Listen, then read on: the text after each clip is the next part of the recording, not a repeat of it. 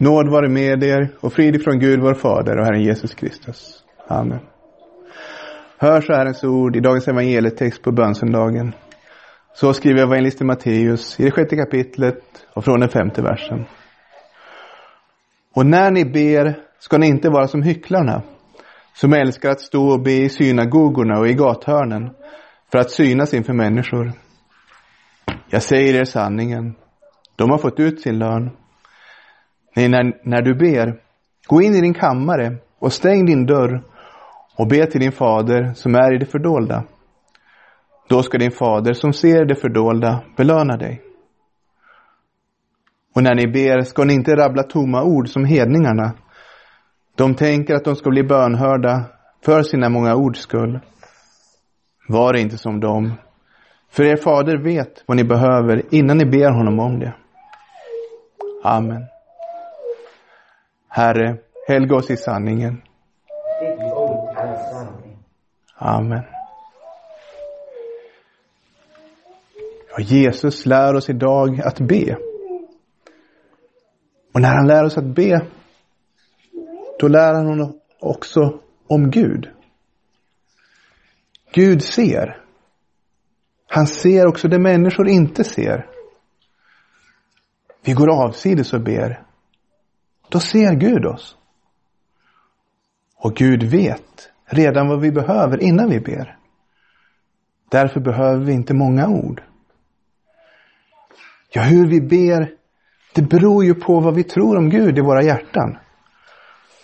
Och därför lär Jesus oss om hur Gud är.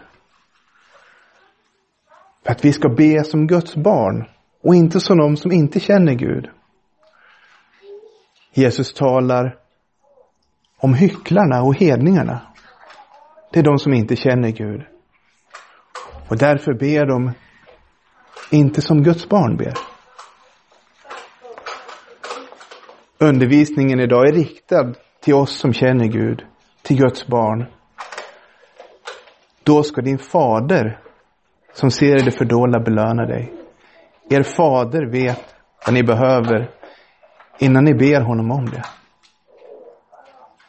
Jesus talar till oss som har Gud som sin far, som har blivit födda på nytt genom tron på Kristus. Därför är det olyckligt att många ser bergspredikan, som dagens undervisning är hämtad ifrån, som kärnan i kristendomen. Bergspredikan talar inte om hur man blir ett Guds barn. Den undervisning till Jesu lärjungar, till Guds barn, hur de ska leva när de har blivit Guds barn. Jesus säger ju ni är världens ljus i samma predikan. Det säger han inte till alla människor. Det säger han inte till de som vandrar i mörkret, att de är världens ljus. Men det är en predikan som gör intryck på människor, också den som inte tror. Vi läser i texten. När Jesus hade avslutat detta tal var människorna överväldigade av hans undervisning. För han undervisade dem med auktoritet och inte som deras skriftlärda. Ja, människor känner igen det som är gott och riktigt i bergspredikan. Man finner en genklang i lagen som är skrivet i ens hjärta. Och samtidigt är det så mycket klarare när Jesus undervisar, för synden fördunklar vår syn.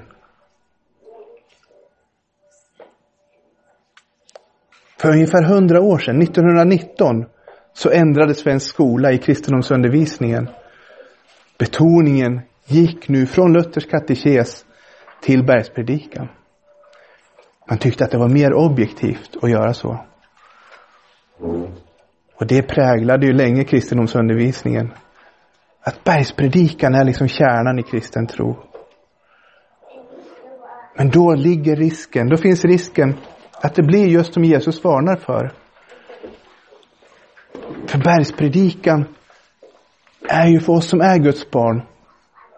Men den talar inte om hur man kommer in genom porten.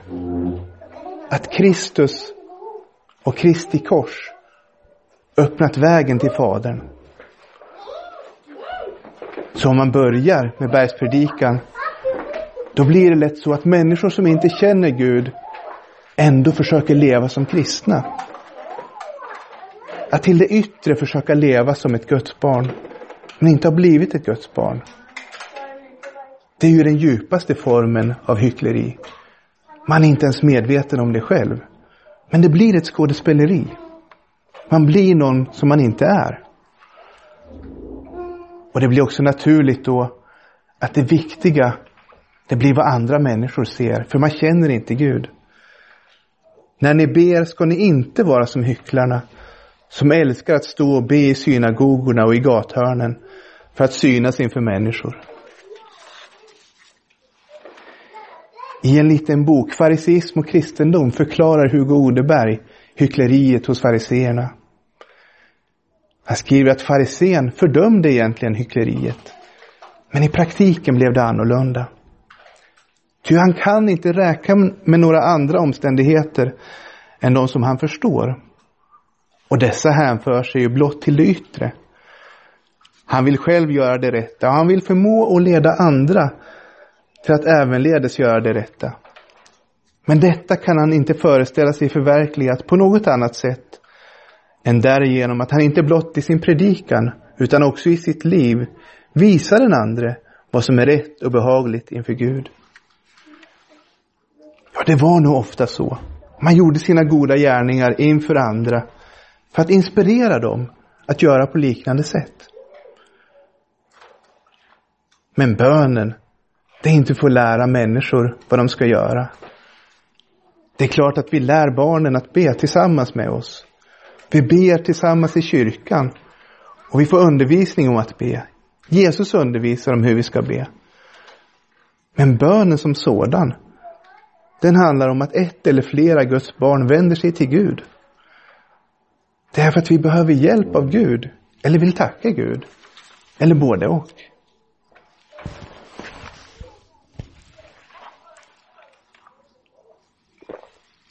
Jag säger er sanningen, de har fått ut sin lön.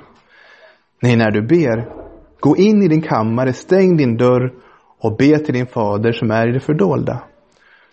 Då ska din fader som ser det fördolda belöna dig. Gud ser. Det räcker. Gå därför avsides där bara Gud ser dig. Det är en bön i förtröstan på att Gud ser och vill höra vår bön.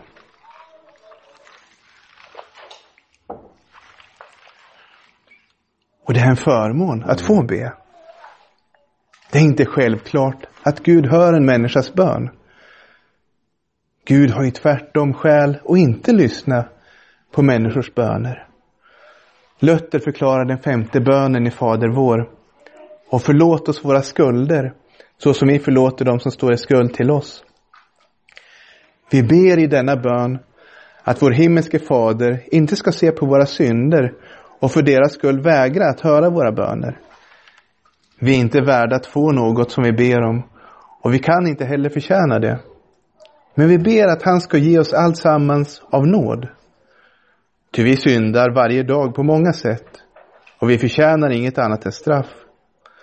Så vill också vi av hjärtat förlåta dem som syndat mot oss och gärna göra gott mot dem. Just av detta skäl att vi av naturen bara förtjänar straff. Så ska vi inte säga till den som vill komma till Gud och bli Guds barn att de ska vända sig till Gud i bön. De behöver först ta emot sina synders förlåtelse. Då står de fria och inget står mellan dem och Gud. Då kan de be.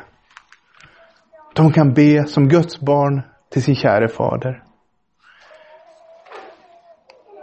Ja, vi vänder oss till vår himmelske fader, himmelens och jordens skapare, som tagit sig an oss och gjort oss till sina barn.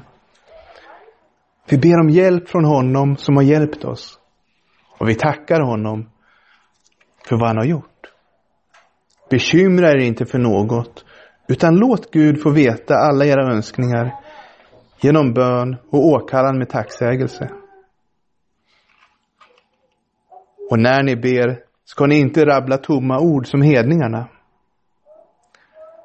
Ja, om hycklarna är de som försöker handla som kristna, som Guds barn, fastän de inte är det. Så är hedningarna de som har en annan religion. De har en annan Gud som de vänder sig till. En Gud som man behöver ge någonting för att få någonting tillbaka ifrån.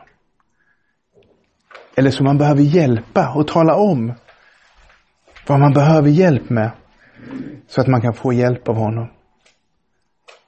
Vi har inte en sådan Gud. Men ändå kan det ibland kännas som att vi behöver betala någonting till Gud. Eller som om vi behöver hjälpa Gud och förklara för honom så att han ska veta vad vi behöver. Saltaren påminner oss om hur Gud är. Om jag vore hungrig skulle jag inte säga det till dig, för världen är min och allt vad den rymmer. Ja, Gud behöver ingenting från oss. Så var det i frälsningen. Det var Gud som gav åt oss. Han gav oss sin son. Han gav oss sitt ord, sitt löfte. Han förde oss till tro och skänkte oss sin ande. Och så är det också i det kristna livet. Gud ger till oss. De tänker att de ska bli bönhörda för sina många ords skull. Var inte som dem, för er fader vet vad ni behöver innan ni ber honom om det. Vi ska inte vara som hedningarna. Vi har en annan Gud. Vår fader vet vad vi behöver innan vi ber honom. Ja, det låter ju lite paradoxalt. Om Gud redan vet, varför ska vi då be? Men Jesus, han vänder på det. Gud vet redan. Därför kan vi be med tillförsikt. Han kommer inte att missförstå. Han ger oss det vi behöver. Ja, ibland vet vi inte själva. Men Gud vet. Så hjälper också anden oss i vår svaghet. Vi vet inte vad vi borde be om. Men anden själv vädjar för oss med suckar utan ord. Och han som utforskar hjärtan vet vad anden menar. Eftersom anden vädjar för de heliga så som Gud vill. Så är det för ett Guds barn. Det är inte de många orden. Så är det för ett Guds barn eftersom vi tror på den sanne guden. Han som ser. Är jag bara Gud på nära håll, säger Herren. Är jag inte också Gud långt borta? Eller kan någon gömma sig på ett så hemligt ställe att jag inte ser honom, säger Herren. Är inte jag den som uppfyller himmel och jord, säger Herren. Ja, för den som inte vill att Gud ska se är det hotfullt och skrämmande att höra att Gud ser allt. Och det här var ord som från början riktades till de falska profeterna för att varna dem så att de inte skulle tala lugn i Guds namn. För den som inte känner Gud, som fortfarande står med sin skuld inför Gud, så är det en varning att få veta att Gud ser allt. Men för ett Guds barn som känner Gud så blir det en trygghet. Gud har sett min synd och förlåtit den. Gud ser mig nu. Han vet allt om mig och han har omsorg om mig. Så ska jag också be till honom med tillförsikt och i det fördolda. Vår Gud ser och vår Fader vet. Herre, du ransakar mig och känner mig. Om jag sitter eller står vet du det. Du förstår mina tankar fjärran ifrån. Om jag går eller ligger ser du det. Med alla mina vägar är du förtrogen. Gud vet allt om mig. Han vet vad jag tänker. Han vet vad jag behöver. Och så ska jag be. Gud är den som gett mig allt och han älskar mig mer än jag kan förstå. Han som gav sin enda son för oss. Han vill oss väl. Därför säger Jesus också, be och ni ska få, sök och ni ska finna, bulta och dörren ska öppnas för er. För var och en som ber, han får. Och den som söker, han finner. Och för den som bultar ska dörren öppnas. Vem av er ger sin son en sten när han ber om bröd? Eller en orm när han ber om fisk? Om nu ni som är onda förstår att ge goda gåvor till era barn, hur mycket mer ska då inte er fader i himlen ge det som är gott till de som ber honom? Ja, när Gud är vår fader så har han en särskild omsorg om oss. Och kasta alla era bekymmer på honom, för han har omsorg om er. När himmelens och jordens Herre är vår fader så kan vi be med tillförsikt. Han som kan göra långt mycket mer än allt vi ber om eller tänker oss genom den kraft som verkar i oss. Hans är äran i församlingen och i Kristus Jesus genom alla generationer i evigheters evighet. Amen. Det är därför som vi ber. För att vår Gud är inte som hedningarnas gudar. Och vår Gud har gjort oss till sina barn. Så att han verkligen är vår Gud och vår Fader. Amen.